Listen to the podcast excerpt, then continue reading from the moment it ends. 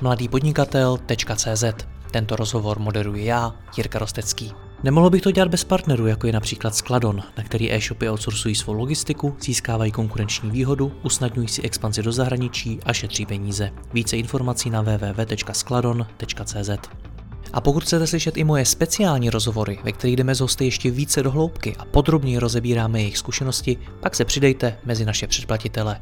Více na www.mladýpodnikatel.cz lomeno předplatné. Užijte si poslech.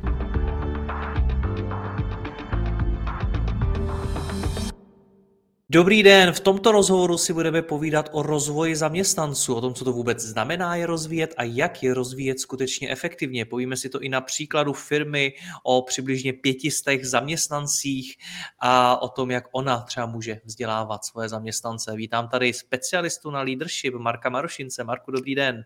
Dobrý den, Jirko, těším se, že jsem tu. Já jsem z toho mám také radost. Rozvoj je velmi zajímavé téma a občas mi připadá, jako kdyby to bylo něco, co se dá koupit. Ve smyslu firma si rozhodne, hele, chceme rozvoj, chceme rozvíjet naše lidi. Je to něco, co se dá koupit?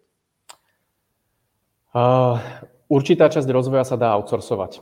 A to, to robí väčšina trénerov, koučov, organizačných konzultantov a môže to byť veľmi efektívne ale keď si eh, majiteľ firmy že myslí, že eh, to zadá niekomu ako úlohu a ten mu dodá vlastne riešenie, tak to úplne nefunguje. To, to, to nie je úplne efektívny prístup k rozvoju.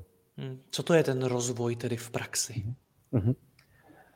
Uh, za mňa organizačný rozvoj je v prvom rade nejaká diagnostika toho, čo vo svojej organizácii vlastne chcem jaké chcem mať výstupné parametre, jak chcem, aby sa správali moji ľudia, jak chcem, aby prebiehala komunikácia v mojej organizácii, jak pravidelne chcem, aby prebiehala treba spätná väzba, hodnotiace pohovory a tak ďalej a tak ďalej. A keď si toto zmapujem, poviem si, čo chcem, tak sa pozriem na to, jak na tom dnes som. A na základe toho si vyhodnotím, OK, ktoré sú oblasti, ktoré potrebujem rozvíjať. Potrebujem rozvíjať organizačný rozvoj, to znamená, potrebujem si nastaviť najprv procesy, alebo procesy mám, viem, čo chcem, ale vidím, že kompetencie jednotlivcov mi na to nestačia. A preto sa idem venovať trebárs úrovni manažmentu alebo úrovni lídrov.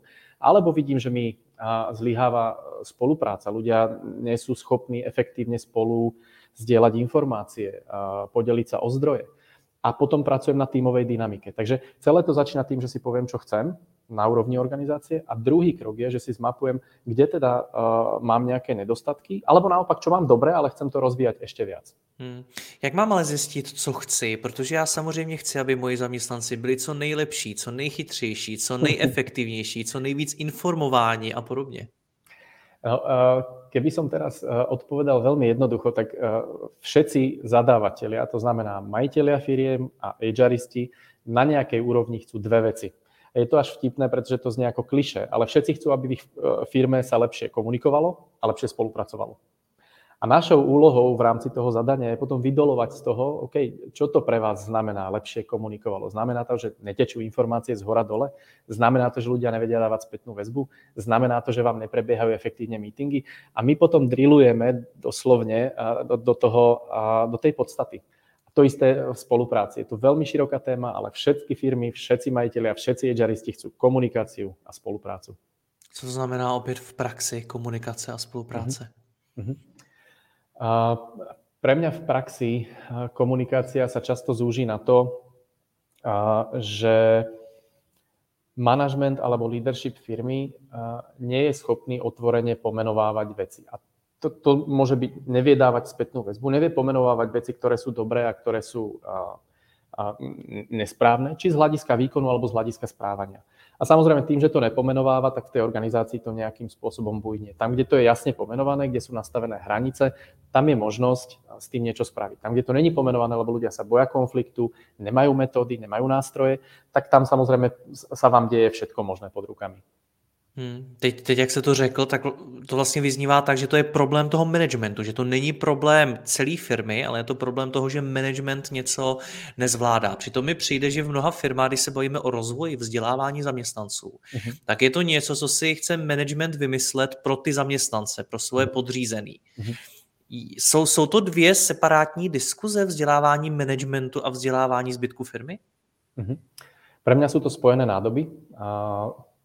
Akýkoľvek problém, ktorý vo firme máte, tak poukazuje na nejakej úrovni na management. A je jedno, či to je problém na úrovni prvourovňového manažmentu, pretože táto úroveň nevie komunikovať. Spätne to poukazuje možno na náborový proces, možno na onboarding proces, pretože tí ľudia neprešli nejakým základným tréningom toho, čo sa od nich očakáva. Takže každý problém organizačný ukazuje na management firmy. Či je to vůbec práce, to vzdělávání? Je to mm. úkol HR? Je to úkol šéfa té firmy, někoho jiného? Vzdelávanie má veľa rôznych oblastí. Ale keď sa budeme baviť o vzdelávaní manažmentu, vzdelávaní e, lídrov v organizácii, tak toto by som dal pod jednu e, spoločnú strechu, to je úloha manažmentu organizácie. Môže časti z toho outsourcovať veľmi efektívne ale zodpovednosť stále patrí manažmentu. To je rovnaké ako keď ja ako manažér chcem delegovať. Môžem delegovať, ale zodpovednosť konečná je vždy u mňa. Tej zodpovednosti sa nemôžem zbaviť. Tu je to veľmi podobné. Ale koho v tom managementu je to úloha? Neumím si úplně představit, že třeba šéf, šéf IT, technický ředitel, nebo obchodní ředitel, nebo finanční ředitel, že tito lidé řeší vzdělávání celé firmy, nebo ano? A to, toto je super mostík, Jirko, k tomu praktickému príkladu pretože uh, áno aj nie. Ja od top managementu, top, top managementu firmy uh, nebudem chcieť, aby prechádzal tréningom zručností. Na úrovni top managementu firmy, napríklad v tom príklade, o ktorom sme sa my dvaja bavili, uh, na tejto úrovni budem pracovať na vízii, hodnotách, stratégii, na, na koncepčných úrovniach, na koncepčných um, myšlienkových a tú firmu formujúcich prvkoch. Ale už s nimi nebudem robiť, keď, keď vízia firmy bude, poviem príklad, a chceme mať otvorenú kultúru, kde ľudia môžu vyjadriť svoj názor, kde každého názor sa počíta, veci si hovoríme priamo do očí, nepotrebujeme procesy na to, aby sme si dali spätnú väzbu. Keď toto je vízia, na tejto vízii pracujem na úrovni top managementu. Na úrovni trebárs managementu pobočky budem pracovať na tom, OK, čo to teda znamená pre vás tá otvorená spätná väzba. Z hľadiska procesov vašej pobočky znamená to, že každý krát, keď sa niečo stane, tak šéf má ísť za svojím človekom a povedať mu to. Znamená to, že raz za mesiac si s ním má spraviť hodnotiaci rozhovor a dať mu spätnú väzbu so všetkým, čo sa podarilo a nepodarilo. Čo to znamená? A na úrovni jednotlivých lídrov budem pracovať s tým, ako sa takáto spätná väzba dáva. Takže s nimi budem pracovať, tu je metóda, tu sú nástroje, tu je technika, poďme to cvičiť. Drill, jedenkrát, druhýkrát, tretíkrát.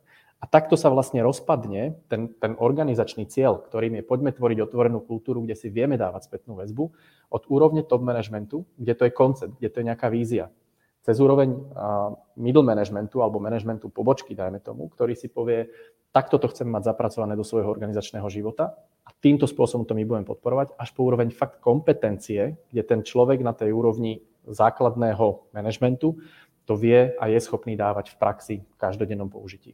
Hmm.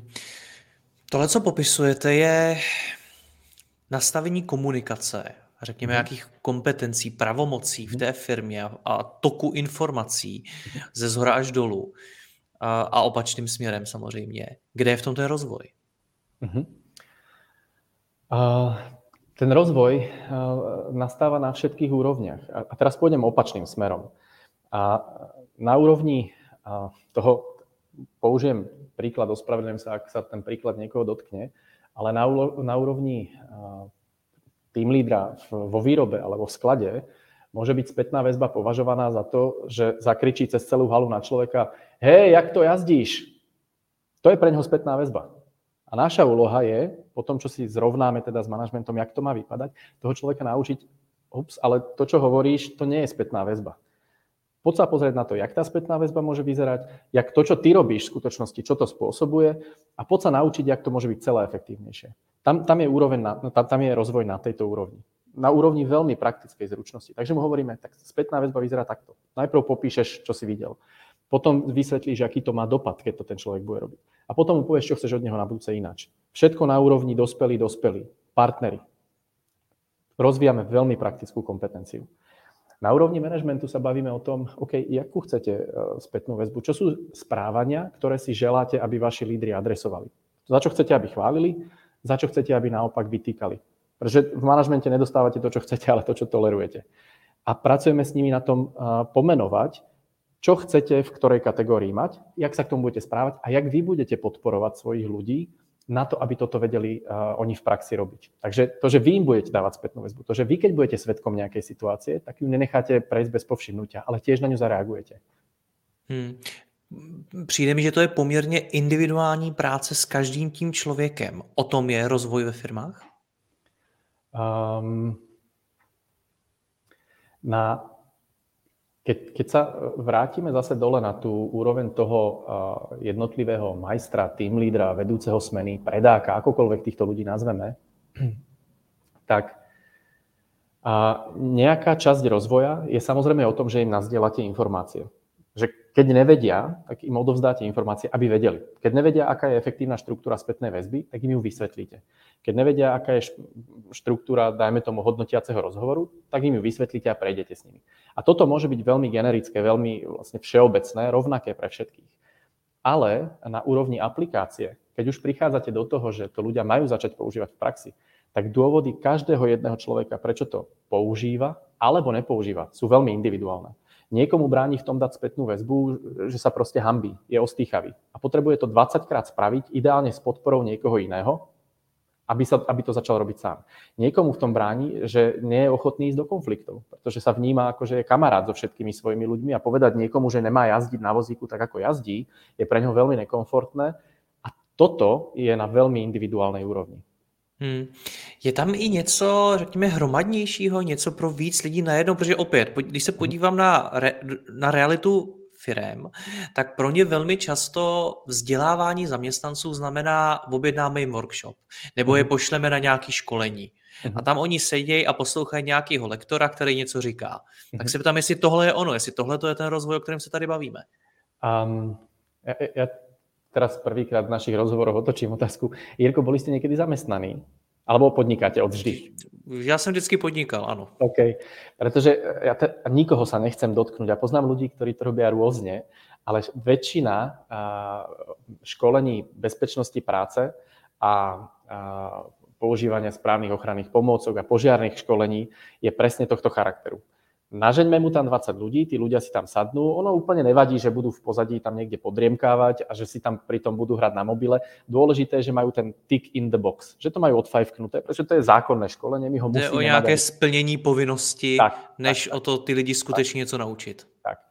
A na tejto úrovni to môžete robiť hromadne, kľudne v 20 stovkách ľudí. Ale pardon, to neplatí jenom o takovýchto povinných oblastech, ve kterých ty mhm. firmy musí vzdělávat ty zaměstnance, ale to platí i o jiných. Já jsem to, to viděl v prezentačních dovednostech, v mhm. obchodních dovednostech, v marketingu a tak dále. No a tu je za mňa jediná relevantná otázka. Tá otázka je otázka efektivity. Pretože informácia, na takomto školení viete veľmi efektívne odozdať informácie. Ak je vašim cieľom vysvetliť, e, ako funguje nejaký druh marketingu, napríklad, tak toto môže byť veľmi efektívny um, typ školenia. Ale ak je vašim, vašou úlohou zmeniť správanie, tak informácia nerovná sa zmene správania. Vy môžete odozdať informáciu, jak sa má dávať efektívne spätná väzba. Vy môžete odozdať informáciu, aké sú rôzne štýly riešenia konfliktov ale to neznamená, že ten človek odíde a od momentu jedna to začne používať. Informácia, nová informácia, nerovná sa zmene správania. Takže vy byste svoje zaměstnance neposlal na hromadné školení? Nie. Ak by som ich poslal na hromadné školenie, tak to hromadné školenie by malo splniť jeden účel a to, že im dá všetkým rovnakú terminológiu. Takže, poviem príklad, chcem, aby moji ľudia začali robiť niečo ináč. Napríklad, aby každý mesiac začali dávať veľmi jasnú, štrukturovanú mm, formu hodnotiaceho rozhovoru svojim ľuďom. A tá hodnotiaca forma obsahuje, čo sa im podarilo, čo sa im nepodarilo, aké majú rozvojové ciele, koľko dostanú z bonusovej zložky mzdy. Toto kľudne spravím hromadným spôsobom. To odo mňa nevyžaduje nič iné, než že im nazdielam proste, toto bol starý spôsob, rozhodli sme sa pre nový, ten bude vyzerať takto.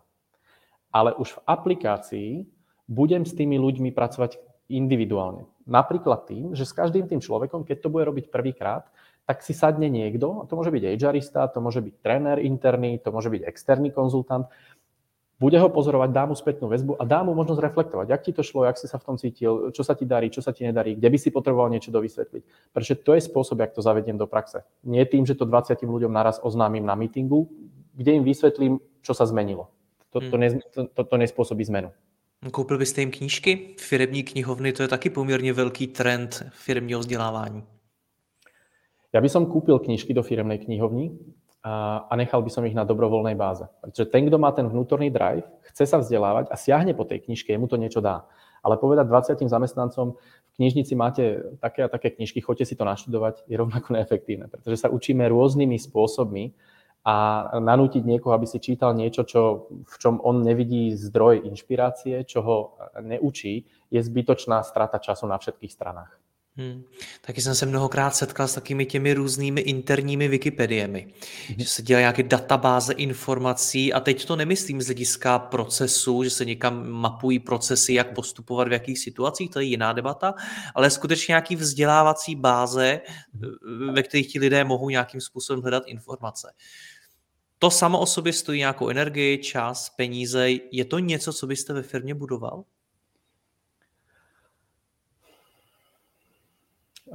Môže to byť cenným zdrojom know-how firmy z hľadiska procesov predovšetkým, z hľadiska nejakých odborných vecí, z hľadiska nejakého, ja neviem, kvality a tak ďalej.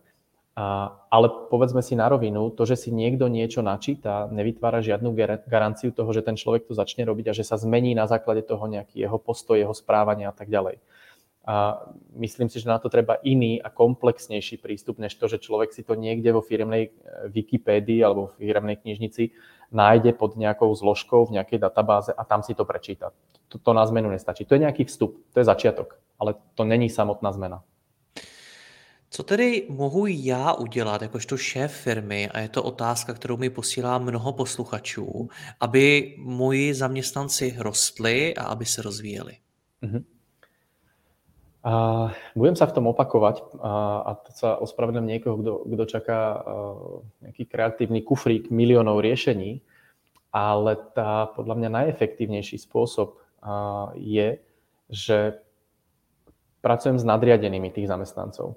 Pretože každý sa učí iným spôsobom, každého motivuje a inšpiruje niečo iné. To znamená, ja pracujem s nadriadenými, keď si predstavím, že mám úroveň napríklad tým lídrov, pod ktorými je 5-6 ľudí, tak s tými tým lídrami si sadnem a budem sa s nimi baviť. OK, poďme zmapovať, čo vašich ľudí e, zaujíma, kam by sa chceli rozvíjať a kam by chceli rásť. Poďte si v každom z vašich, ja neviem, mesačných, ročných rozhovorov, poďte si na to vyhradiť 5 minút. Tu je 3, 4, 5 otázok, ktoré môžete svojim ľuďom položiť a výsledkom je, že si potom sadneme a pozrieme sa na to, čo naši ľudia chcú. Možno zistíme, že to má spoločný nejaký vzorec a my pre nich fakt vieme objednať efektívne workshop možno zistíme, že každý chce úplne niečo iné a potom sa budeme baviť o tom, akým spôsobom to spojiť s tým, aby to aj pre firmu niečo znamenalo. Aby aj firma z toho mohla benefitovať, že, že dá nejakú možnosť a asi aj zafinancuje pre svojich ľudí, že môžu rásť. Takže aby som začal pracovat na této úrovni. Takže já jakožto šéf té firmy, mě, mě sleduje třeba řada zakladatelů firm, tak já mám osobně pracovat jenom s tím managementem a ten management má pracovat dál. Presne tak. Presne Takže tak. já jako šéf firmy bych vlastně vůbec nebyl řešit nějaké školení pro ty nižší pozice a podobně.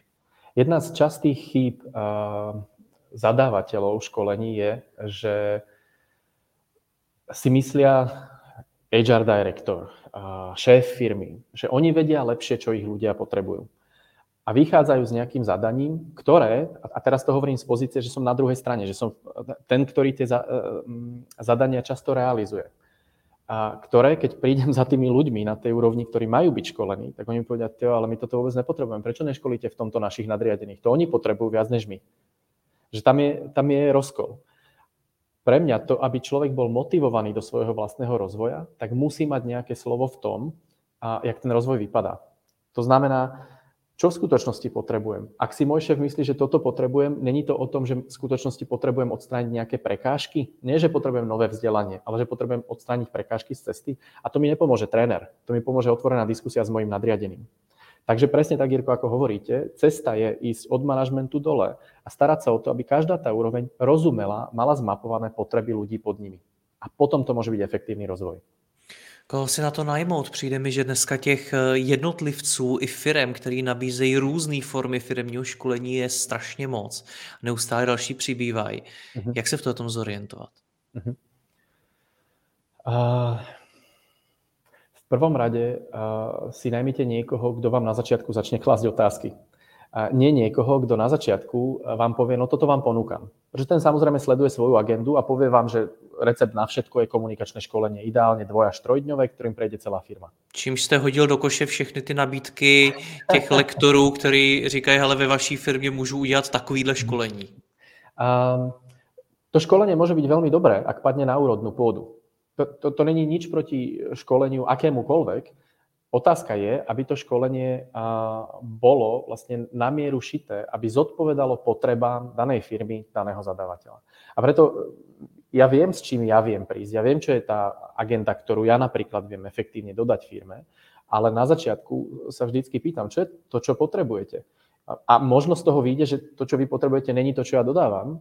Potom môžem vám odporučiť, alebo skúste sa obrátiť niekam inam. Pretože to bude neefektívne mrhanie času a vyhodenie peňazí pre všetky strany. Ještě nějaká další kritéria, něco, co mi v tom pomůže se zorientovat v nabídce na trhu? Mm-hmm. Um, pozrite sa na to, uh, keď si napríklad pozriete uh, bežný link, kde, kde tých ľudí, ktorí sa profilujú ako ja, tréneri, konzultanti, koučovia je veľa. Akú históriu zákazok majú títo ľudia za sebou? S čím pracujú? Ak to je jedna vec, ktorú točia dokola, tak vám to dáva nejaký obrázok o tom, aká je ich odbornosť a na čo sa na, na nich môžete obrátiť. Ak majú za sebou, treba, že ste schopní si dohľadať, pracujú, ja neviem, na úrovni senior managementu s nastavovaním vízie, hodnot, stratégie, OKR, pracujú na úrovni e, rozvoja líderských kompetencií od riešenia konfliktov, komunikačných, spätnej väzby, a práce so zmenou a tak ďalej. Zase vám to dáva nejaký obrázok. A podľa toho, čo potrebujete, tak si vyberte človeka, ktorý zase na začiatku, ale to není o tom, tu mám pre teba zakázku, ale poďme sa pobaviť, poďme si zmapovať, aké potreby máme a že či to vieme vzájomne si vykryť. Hmm.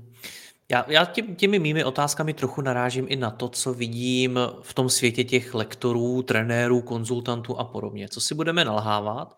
Řada z nich, a i mi to třeba sami přiznali, začali nabízet firmní školení, protože je to prostě dobrý zdroj příjmu. Mhm. Protože vedle nějakých jednorázových konzultací, vedle prací pro klienty mhm. a podobně, je udělat jedno školení na jeden, dva dny za mhm. nějakou pořádnou částku je samozřejmě velmi zajímavý. Eh, a tak mě zajímá, jestli je tam něco víc, co bych měl umět, jestli mm-hmm. na to, abych mohl školit ve firmách, potřebuju nějaký kompetence, nebo mm-hmm. jestli to může dělat opravdu každý. Mm-hmm. Um, ten, odpoveď je vlastne veľmi jednoznačná a to, že um,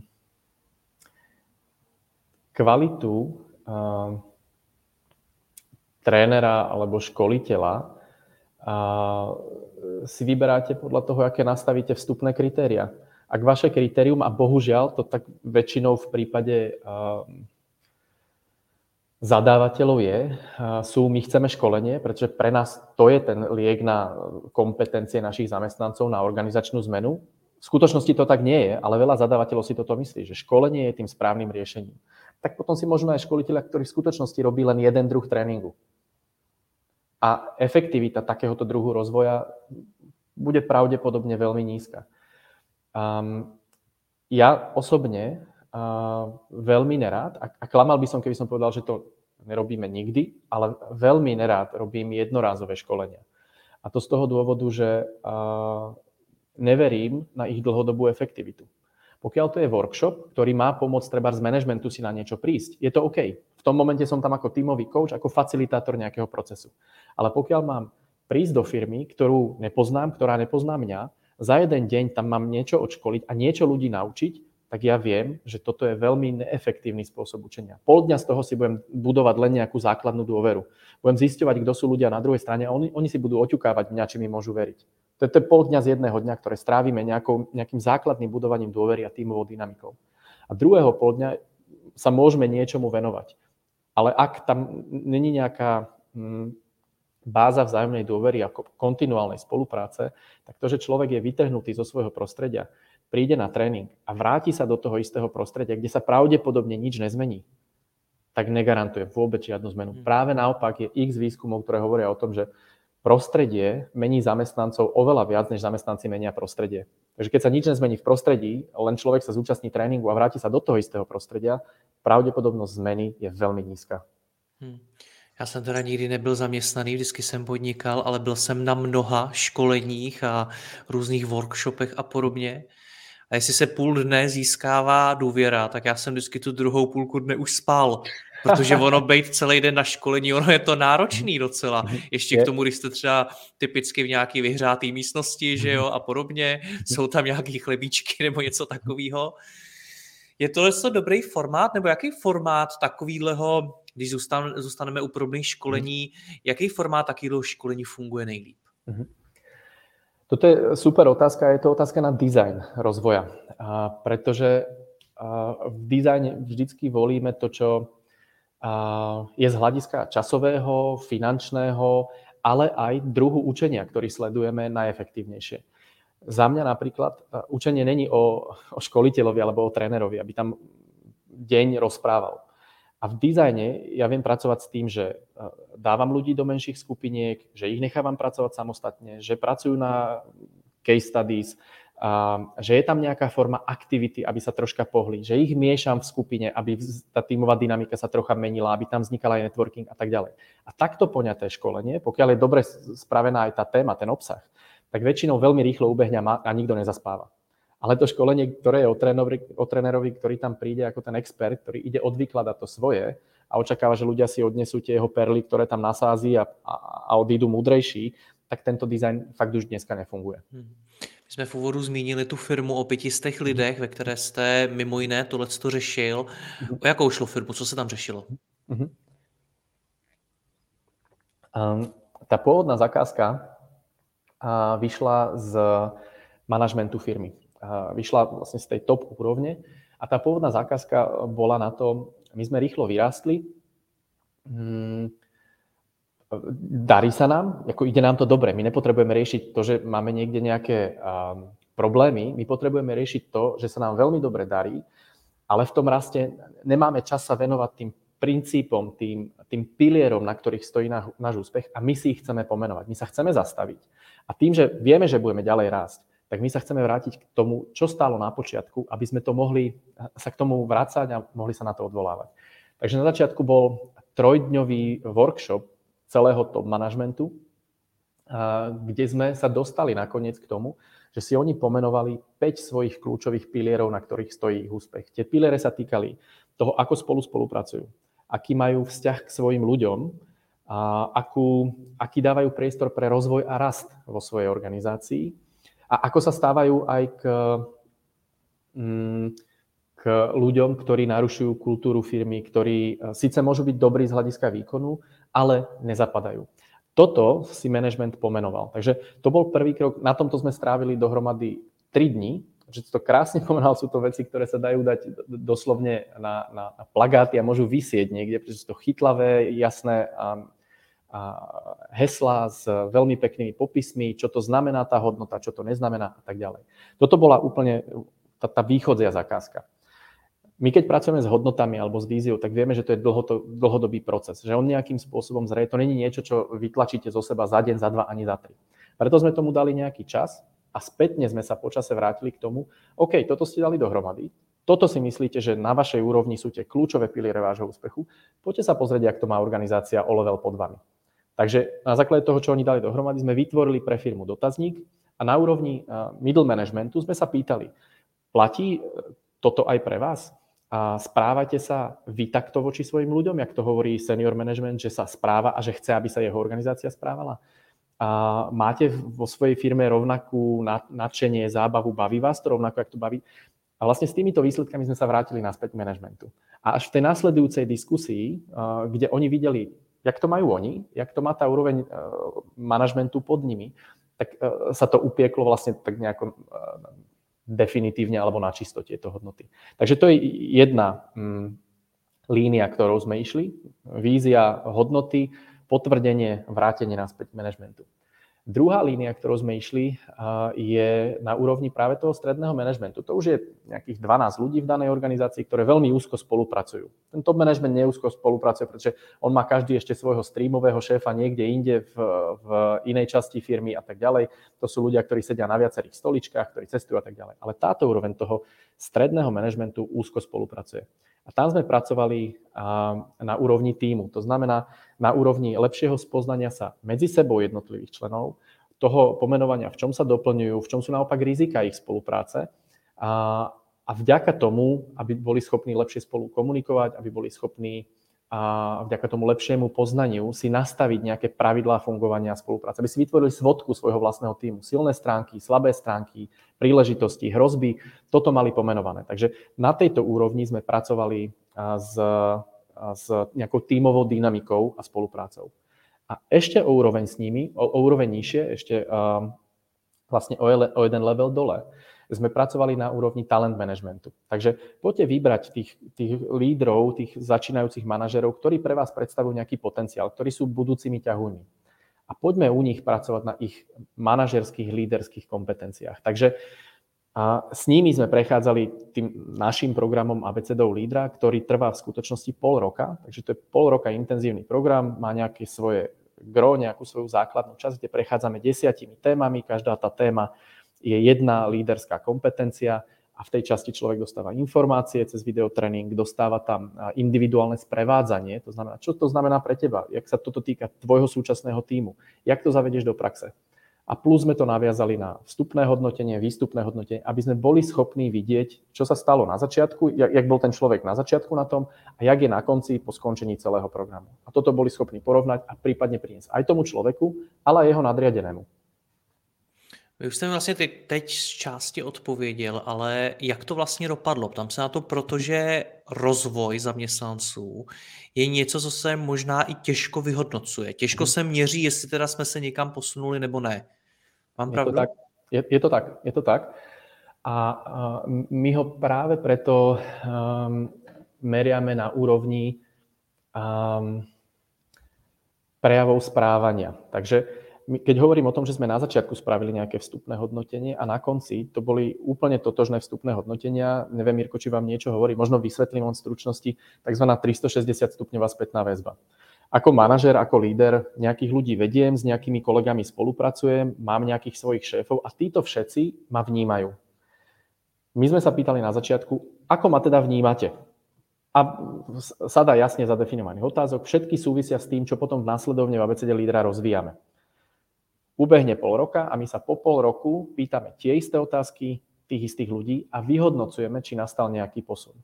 A um, samozrejme, naše očakávanie bolo, že nastane obrovský posun, že, že to nie, niečo sa viditeľne zmení. A to sa v niektorých prípadoch stalo a v iných prípadoch sa to nestalo.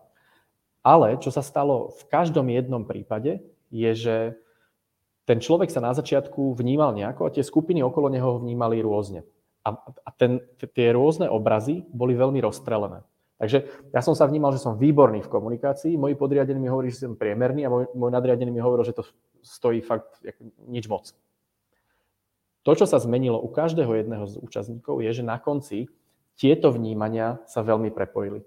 Takže ten rozdiel medzi tým, jak sa ja vnímam a jak ma vníma nadriadený, podriadený a kolegovia, sa veľmi k sebe priblížili to, čo nám to dáva spätnú väzbu, je, že niečo, čo sa v angličtine nazýva self-awareness, alebo seba uvedomenie účastníkov výrazne stúplo, výrazne sa zmenilo. To znamená, protože opět natáčím řadu rozhovorů o různých oblastech řízení firmy a velmi často se tam bavíme o nějakých cílech, KPIs, o nějakým plánování, jak toho dosáhnout. Jak se tohle dělá tedy v tom rozvoji? Pokud poslouchám náš rozhovor a chci nastavit nějaké cíle a nějaké metriky, jak vyhodnocovat rozvoj vlastních zaměstnanců, jak to mám udělat? Uh, sú samozrejme tvrdé ciele. Takže vy viete do cieľov dať, že sa má zvýšiť treba zmiera spokojnosti zamestnancov nejakého oddelenia. A ak to pravidelne meriate, tak to vidíte. A sú tvrdé ciele týkajúce sa počtu kólov, ktoré má ten človek urobiť, množstva obchodu, ktorý má uzavrieť a tak ďalej a tak ďalej. Ale z hľadiska tých mekých cieľov toto není tak jednoduché nastaviť. Práve preto my sa pozeráme na to, jak je človek vnímaný a nakoľko sa mení jeho vnímanie okolí. Nakoľko sa, vníma, nakoľko sa mení to, že je schopný pomenovávať problémy, že je schopný dávať spätnú väzbu, že počúva svojich podriadných. Pretože my vychádzame z toho, že kvalitu lídra um, určuje sada mekých zručností, ktoré všetky, keď sú v súlade, tak podporujú uh, budovanie nejakého engagementu, zapojenia zamestnancov, budovanie firemnej kultúry a tak ďalej. A my sa obraciame na tieto a tieto chceme vidieť, či sa menia v priebehu času. Toto nie je niečo, čo, čo sa viete vrátiť naspäť k človeku a spýtať sa ho, tak čo, už uh, zapájaš svojich zamestnancov viac? Už sa ti darí viac ich inšpirovať? na to vám nevie odpovedať. My sa pýtame priamo tých zamestnancov, priamo tých podriadených, či zbadali nejakú zmenu, či sú vďaka prístupu nadriadeného a majú viac informácií, dostávajú pravidelnejšie spätnú väzbu o svojom výkone, a dostávajú viac pochvalu, cítia, že sú počúvaní. To je to, na čo sa zameriavame my a ten spôsob je cez to, že sa pýtame priamo tých ľudí okolo, nadriadených, podriadených a kolegov. Marku, já vám děkuji za rozhovor, ať se vám daří. Naslyšenou. Jirko, ďakujem pekne, majte pekný deň. Děkuji vám za poslech tohoto rozhovoru a zvu vás i mezi naše předplatitele. Tvořím pro ně speciální rozhovory se zkušenými podnikateli, manažery, freelancery a dalšími profíky ze světa biznesu. V tématech jdeme ještě hlouběji a připravujeme pro vás konkrétní praktické zkušenosti z podnikání. Snadno tak objevíte cené zkratky a informace, které vám pomohou ve vašem biznesu. Více zjistíte na www.mladýpodnikatel.cz lomeno předplatné. Děkuji vám a zase někdy naslyšenou. Jirka Rostecký.